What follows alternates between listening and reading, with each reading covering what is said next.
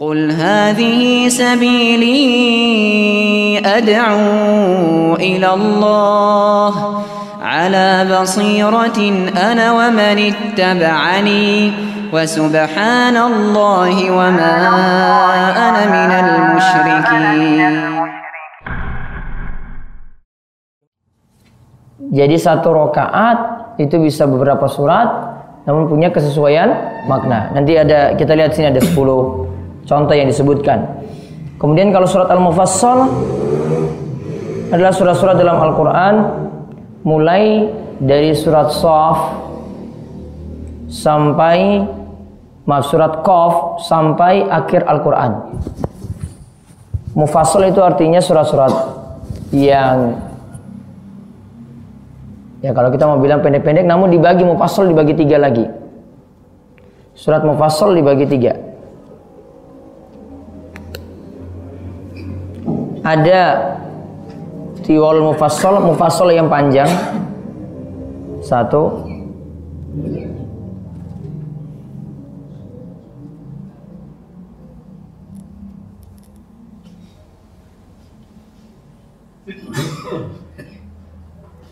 Dua mufassal pertengahan.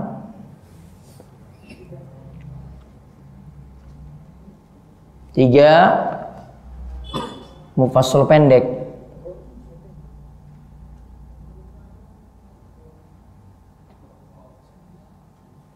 Mufassal pendek.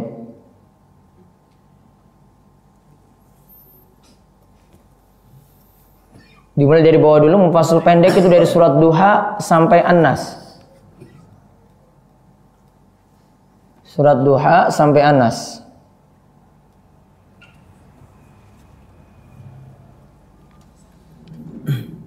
Mufassal panjang dari surat Qaf sampai Al-Mursalat. Dari surat Qaf sampai Al-Mursalat.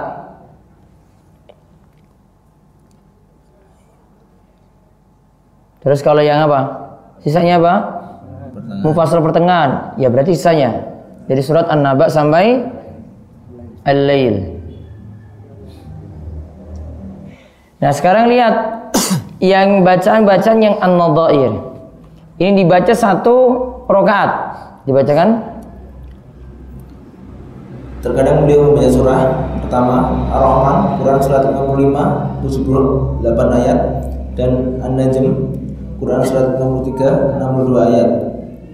Ar-Rahman. Kemudian An-Najm. Kalau kita lihat di sini surat yang belakangan dibaca dulu baru surat An-Najm yang disebut sebelumnya. Lihat nomor suratnya itu. Iya kan? Ya. Nah, nah ini dibaca berbarengan satu rakaat. Ar-Rahman, An-Najm. Taib. Terus yang kedua. Kedua, Iqnarobat, Quran surat 64, 55 ayat dan Al-Haqqah, Quran surat 69, 52 ayat. Lihat Iqtarabat surat Al-Qamar.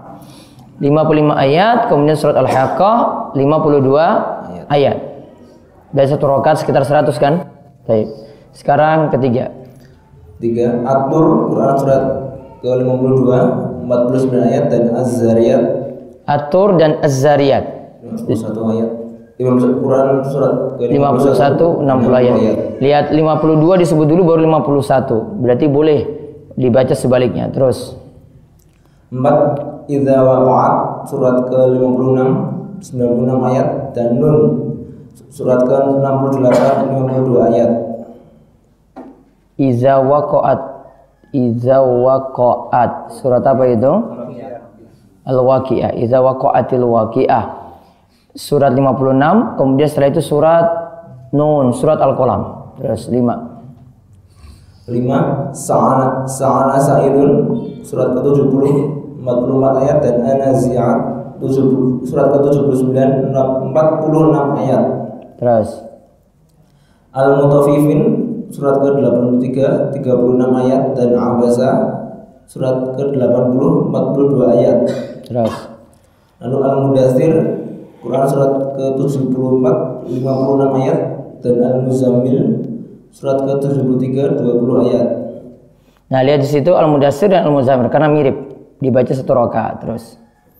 Nomor 8 hal hal ata surat Hal ata apa? Hal ataka hadisul ghasyiyah. Terus surat ke-76 31 ayat dan la aqsimu biyaumil qiyamah surat ke-75 40 ayat. Ya, hal ataka hadisul ghasyiyah itu surat ke-76 ini kayaknya ada salah nomor surat itu.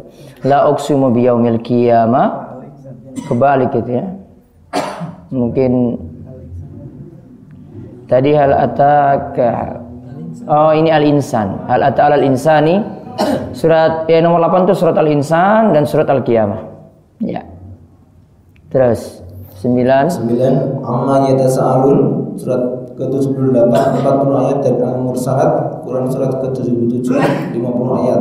ya, terus Lalu 10 ad-dukhan surat ke-44 59 ayat dan idza syamsu kuwirat surat ke-81 29 ayat. surat at-takwir. Idza syamsu kuwirat surat at-takwir. Terus Terkadang beliau membaca beberapa surah panjang dari tujuh surat dari tujuh surat terpanjang dalam satu rakaat. Terkadang beliau membaca beberapa surat panjang dari tujuh surat terpanjang dalam satu rakaat misalnya. Misalnya surat Al-Baqarah, An-Nisa, dan Ali Imran sekaligus dalam satu rakaat. Al-Baqarah, An-Nisa, Ali Imran. Namun urutannya beliau baca dari Al-Baqarah, terus An-Nisa, baru Ali Imran. Harusnya Al-Baqarah, Ali Imran, terus An-Nisa. Beliau balik, tidak masalah. Terus Ketika sholat lail seperti akan tersebut keterangannya. Dalam hal ini beliau bersabda, sholat yang paling utama yaitu bila berdiri, bila berdirinya lama. Iya, baca Al-Baqarah, Al-Nisa, Ali Imran ya jelas berdirinya lama. Itu masih satu rakaat. Terus Bila beliau membaca ayat Alaisa dzalika biqadirin ala an yuhyihal mauta Beliau mengucapkan subhanaka fa bala Bila beliau membaca ayat Sabih isma rabbikal a'la Beliau mengucapkan subhana rabbiyal a'la Jadi ketika sampai pada ayat alaisa zalika biqadirin ala ayyuhiyal maut. Surat apa itu? Hmm? Surat Al Qiyamah beliau mengucapkan subhanaka fabala. Lalu ketika sampai pada sabih isma rabbikal a'la beliau mengucapkan kalimat yang mirip juga subhana rabbiyal a'la. Terus Tiga Membaca Al-Fatihah saja Mu'ad biasa sholat isya bersama Rasulullah Shallallahu Alaihi Wasallam pada pada akhir waktu, lalu pulang mengimami sholat para sahabatnya. Pada suatu malam, ketika ia mengimami sholat para sahabatnya, ada seorang anak muda dari kaum Bani Salamah bernama Salim. Ketika anak muda ini merasakan lama sholatnya, ia keluar dari sholat jamaah, kemudian pergi menuju maaf, kemudian pergi ke sudut masjid untuk sholat sendiri. Sesudah itu ia keluar lalu mengambil kendali untuknya dan pergi. Ketika Muaz ketika Muaz selesai sholat, kejadian itu diceritakan kepadanya. Muaz berkata, anak itu terkena sifat munafik. Saya akan menyampaikan kejadian ini kepada Rasulullah SAW. Anak muda itu berkata, saya pun akan menceritakan kepada Rasulullah SAW apa yang dilakukan imam. Esok harinya mereka datang kepada Rasulullah SAW Lalu Mu'ad menceritakan perbuatan anak muda itu. Tetapi anak muda ini berkata, Wahai Rasulullah, dia sholat lama bersama Tuhan. Kemudian dia pulang, lalu mengimami sholat kami lama sekali. Rasulullah Shallallahu Alaihi Wasallam bersabda, Wahai Mu'ad, apakah engkau hendak membuat fitnah? Beliau bersabda kepada anak muda itu, Wahai keponakanku, apa yang engkau lakukan jika engkau melakukan sholat? Anak muda itu menjawab, Aku membaca Al-Fatihah, lalu aku memohon kepada Allah surga dan aku memohon perlindungan dari neraka dan aku tidak tahu apa yang engkau ucapkan dengan lirih dan yang diucapkan lirih oleh Muad. Rasulullah SAW bersabda, aku dan Muad berada di berada sekitar kedua ini selalu memohon surga dan perlindungan dari neraka. Anak muda itu menjawab akan tetapi Muad tahu Muat akan tahu bila ia datang kepada suatu kaum yang telah diberitahu bahwa musuh telah datang ke tempat mereka. Rawi berkata, kaum tersebut kemudian datang kepada Nabi Shallallahu Alaihi Wasallam dan anak muda itu telah mati syahid. Lalu Rasulullah Shallallahu Alaihi Wasallam bersabda kepada Muat, bagaimana kamu dengan orang yang menjawab, Wahai Rasulullah, Allah maha benar dan aku keliru. Dia, anak muda itu, telah mati syahid. Nah, salah satu pelajaran yang diambil dari hadis ini eh, disebut tadi di awal bahwasanya yang dibaca itu cuma surat Al-Fatihah saja. Lalu dimintakan surga situ dan diminta perlindungan dari neraka. Menunjukkan bahwasanya apa yang disebutkan di awal tadi membaca Al-Fatihah saja itu yang dimaksud. Lalu di awal disebutkan bahwasanya dilakukan sholat isya ini yang tadi yang kita sebutkan hadisnya. Muaz itu sholatnya sangat lama sehingga ada jamaah yang keluar dari soft kemudian melaksanakan sholat sendiri. Akhirnya Muaz dilaporkan. Muaz ingin laporkan anak yang keluar tadi dan sholat sendiri disebut munafik. Kemudian ada anak muda lagi yang ingin laporkan Muaz bin Jabal. Dalam riwayat yang lain nanti disebutkan kalau baca surat bacalah uh, surat yang pertengahan sifatnya yaitu ada al-lail, asy-syam, surat al-a'la dan seterusnya. Namun pelajaran penting di sini membaca Al-Fatihah saja masih dibolehkan dalam sholat untuk rokat pertama dan rokat kedua. Dan satu lagi 13. Membaca Al-Fatihah dan surat dengan suara keras atau lirih. Pertama, dalam sholat wajib atau sunnah. Dalam sholat subuh, Nabi Shallallahu Alaihi Wasallam membaca Al-Fatihah dan surat lain dengan suara keras. Begitu juga pada dua rakaat pertama sholat maghrib dan isya. Lihat ma- uh, sholat subuh itu keras suaranya jahar. Dua rakaat sholat maghrib dan isya juga jahar. Terus. Akan tetapi dalam sholat duhur dan asyar dan asar beliau membaca bacaan tersebut dengan suara lirih. Begitu pula dalam sholat maghrib pada rakaat ketiga dan sholat isya pada dua rakaat terakhir. Terus. Para sahabat mengetahui Nabi membaca Al-Fatihah atau surat dengan suara lirih dari gerak jenggotnya. Jadi tahu dari gerak jenggotnya. Berarti punya jenggot nggak? Iya. Hah? Tipis atau tebal? Hah? Tipis atau tebal? Kalau tipis nggak kelihatan. Tipis cuma kelihatan samar-samar saja punya bayangan gitu. Namun kalau tebal baru kelihatan naik turun. Yang jadi dalil Nabi SAW itu berjenggot. Dan di sini jadi dalil bahwasanya para sahabat mengetahui Nabi membaca Al-Fatihah atau surat. Berarti diberi catatan minimal mulut itu gerak. Nggak bisa mingkem saja nggak bisa. Ya toh? Para sahabat mengetahui Nabi SAW membaca Al-Fatihah atau surat dengan suara lirih. Taunya dari mana tetap baca? Dari gerak- Dari gerakan jenggot. jenggotnya. Berarti baca nggak mulut gerak nggak? Ya. Mulut gerak. Karena kalau mulut nggak gerak cuma mingkem saja nggak ada gerakan jenggot yang terlihat. Jadi kalau sholat ingin baca surat disebut baca itu bukan di batin. Disebut baca itu bukan dalam hati. Ini kesalahan. Disebut baca mulutnya itu gerak. Makanya Nabi SAW kelihatan naik eh, jenggotnya itu gerak. Ya, walaupun suaranya lirih. Walaupun sedang sholat zuhur dan sholat asar terlihat jelas dari gerakan jenggotnya tadi. Terus Tetapi terkadang beliau memperdengarkan bacaannya kepada mereka. Nah, di antara tujuan memperdengarkannya itu kalau ingin mengajarkan. Terus. Terkadang beliau membacanya dengan suara keras dalam sholat Jumat, sholat dua hari raya, sholat istisqa, dan sholat gerhana. Nah, ini beri catatan sholat yang sholat Jumat dan sholat berjamaah yang dihadiri orang banyak walaupun sunnah maka bacaannya dijaharkan walaupun siang hari. Ya, walaupun siang hari sholat Jumat, sholat dua hari raya, sholat istisqa minta hujan, sholat gerhana. Semua bacaannya dijaharkan.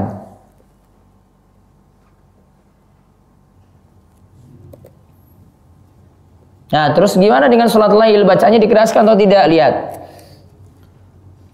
Kedua, dalam sholat lain. Dalam sholat lain, beliau terkadang membaca bacaan tersebut dengan suara lirih, terkadang dengan suara keras. Terkadang dengan suara lirih, terkadang dengan suara keras. Terus. Jadi antara pilihannya, kadang beliau keraskan, kadang beliau lirihkan. Terus. Beliau melakukan sholat ini di rumah, tetapi bacaannya terdengar oleh orang yang ada di dalam kamar. Beliau melakukan sholat ini di rumah, tapi bacanya terdengar oleh orang yang ada dalam kamar. Iya. Terkadang beliau membaca dengan suara yang lebih keras lagi sehingga dapat didengar oleh orang-orang yang berada di luar kamar. Berarti kadang beliau keraskan juga. Jadi dua pilihan, mau pilih liris silahkan, mau pilih keras silahkan. Terus. Abu Bakar dan Umar pernah diperintah oleh Nabi untuk Ya, terus. membaca Al-Fatihah dan surah dengan keras dengan suara keras. Hal ini terjadi ketika suatu malam Rasulullah SAW keluar rumah dan beliau mendapati Abu Bakar melakukan sholat lail dengan bacaan lirih dan beliau mendapati Umar bin Khattab sholat lail dengan bacaan keras. Ketika kedua orang ini bersama-sama bertemu Nabi Shallallahu Alaihi Wasallam, beliau bersabda, Wahai Abu Bakar, saya telah lewat di depan rumahmu ketika engkau sholat lail dengan bacaan yang lirih. Abu Bakar menjawab, Wahai Rasulullah Alaihi Wasallam, Zat yang kamu bisikin sudah mendengar. Beliau bersabda kepada Umar, Aku telah lewat di depan rumahmu ketika kamu sholat lail dengan bacaan yang keras. Jawabnya, Wahai Rasulullah SAW, aku membangunkan orang yang terlelap dan mengusir setan. Nabi SAW bersabda, Wahai Abu Bakar, keraskan sedikit suaramu. Kepada Umar beliau bersabda, lirikan sedikit suaramu. Jadi yang Abu Bakar tadi yang suaranya terlalu lirih disuruh besarkan dikit, Umar yang terlalu keras disuruh lirikan sedikit. Taib. Lanjut. Nabi SAW pernah bersabda, orang yang membaca Al-Quran dengan suara keras seperti orang bersedekah dengan terang-terangan, dan orang yang membaca Al-Quran dengan suara lirih seperti orang yang bersedekah dengan sembunyi-sembunyi. Nah, al-jahiru bil Qur'ani kal jahiru bis sadaqah. Orang yang mengeraskan bacaan Al-Quran itu seperti orang yang bersedekah terang-terangan. Artinya orang lain tahu. Ini untuk sholat malam seperti oh berarti orang lain itu tahu. Berarti kalau maksudnya seperti ini, yang jelas tujuannya untuk memberikan contoh. Kalau tadi kata Umar, oh, untuk bangunkan orang-orang yang terlelap tidur dan juga untuk mengusir setan. Nah kemudian kalau orang yang baca Al-Quran dalam sholat malam itu suaranya lirih, sama seperti sodakoh yang juga sembunyi-sembunyi. Berarti kalau tujuannya sembunyi-sembunyi, ingin agar sodakohnya itu jauh dari sifat ria. Jadi setiap orang tahu keadaannya bagaimana. Dia itu bisa nilai, ah, saya mengeraskan biar jadi contoh bagi yang lain, dia bisa tahu. Dan kadang seseorang ya cukup lirik saja karena lihat keadaan dirinya mungkin tidak bisa menahan dirinya dari pujian-pujian. Kalau nanti dipuji, ya takutnya niatannya seperti itu. Nah itu sampai di pembahasan nomor 13 membaca Al-Fatihah dan surah dengan suara keras atau lirik. Jadi bagi dua, kalau sholat wajib atau sunat, sholat sunnah nanti dilihat keadaannya. Kalau sholat lail antara dua pilihan bisa dikeraskan, bisa dilirihkan. Ada pertanyaan?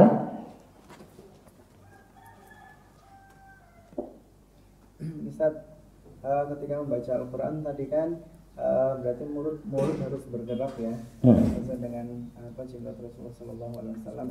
Ketika malam hari, terus kemudian hmm, kemarin kan kita ketika ada teman ataupun jamaah yang sedang melaksanakan sholat nah berarti kita kan eh, jangan sampai mengganggu Ustaz ya nah itu posisinya bagaimana Ustaz? Jadi mulut bergerak suaranya keluar untuk dirinya sendiri. Oh, gitu. Tetap untuk kita ya. Iya Bismillahirrahmanirrahim. Tidak dibatin Ya? Tidak dibatin saja. Mingkem nggak boleh. Sama seperti doa ya. Doa juga sama. Ya, nggak bisa dari batin saja nggak bisa. Bacaan juga, bacaan rokok, bacaan e, bangkit saking rokok, sujud, duduk antara dua sujud, tahiyat, mulut minimal gerak. Ya, mulut minimal gerak. Jadi kalau cuma mingkem saja tanda dia tidak baca. Ya, jadi dia hmm. Mingkem saya enggak. Ya, ini penegasannya lagi selain dalil tadi perkataan dari Imam Nawawi dan yang lainnya menegaskan seperti itu juga. Harus minimal mulut itu gerak. Mulut itu gerak berarti suaranya nanti untuk kita kalau kita bacanya itu lirih. Karena ini saat mungkin pas uh, semalam melaksanakan sholat sebelum tidur ya. Sebelum tidur kan ada sebagian sholat terus kemudian kita kan uh, ada yang baca gitu. Jadi kan uh, masih terdengar sama-sama gitu. Tetapi setelah uh, bangun kan sholat malam terus ada yang baca Al-Quran tapi nggak ada suara sama sekali gitu. yang sholatnya tidak ada suara sama sekali iya dua-duanya jadinya Ya mungkin lagi lemes itu dua-duanya. itu jadi yang yeah. mungkin mau ngerasain bacaan khawatir mengganggu gitu. Hmm. Untuk yang kedua untuk yang setelah bangun tidur jadi bangun bangun tidur anak perhatikan kok nggak ada suara sama sekali padahal yang megang mushaf juga ada yang sholat juga jadi hening gitu nggak ada suara Ya mungkin yang itu ingin jaga-jaga biar yang lainnya tidak terlalu terganggu juga karena masih butuh istirahat. tapi kalau keluar suara sedikit ya boleh Masih boleh. Ya, taib. Ya.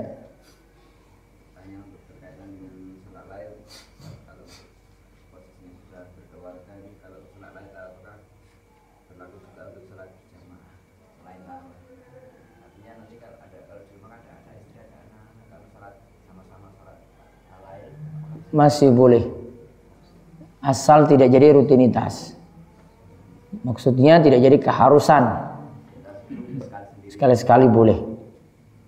Ya, lebih sering sendiri lebih bagus. Sekali-sekali boleh. Karena hukum asalnya tidak berjamaah kecuali sholat tarawih untuk bulan Ramadan. Ada lagi? sholat dua terus bacaannya dijaharkan Sholat dua. Kembali ke tadi coba lihat. Di pembahasan nomor satu berarti. Asalnya sholat siang, lirih. Asalnya sholat di yang dikerjakan di siang hari itu suaranya lirih. Kalau yang di malam hari, sholat sunnahnya keras atau lirih. Nah, kalau siang hari, lirih. Sifat sholatnya seperti itu. Kenapa sampai yang siang itu lirih? Eh, karena aktivitasnya lebih banyak sehingga juga alasannya tidak mengganggu orang lain. Kalau malam aktivitas sudah tidak terlalu banyak dan orang lebih butuh untuk dengar bacaan Al-Quran. Sehingga kadang butuh dikeraskan dan buktinya maghrib isya itu dikeraskan, subuh dikeraskan. Karena orang butuh untuk mendengar Al-Quran. Baik. Yang untuk eh, halaman 132 yang terkadang beliau membacanya dengan suara keras dalam sholat Jumat, sholat dua hari raya, sholat istisqa dan sholat duhana. Itu maksudnya terkadang itu selalu boleh disirkan.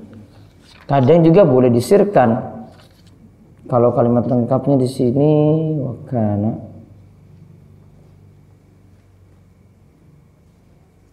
Mungkin kalimat terkadangnya yaitu dihapus. Kurang pas terjemahannya kalau saya nilai. Nggak ada riwayat yang ini ya ya? Eh, Jumat lirih tidak ada. Jadi bisa dihapus karena kana itu artinya biasanya. oh, iya. Lebih tepat biasanya.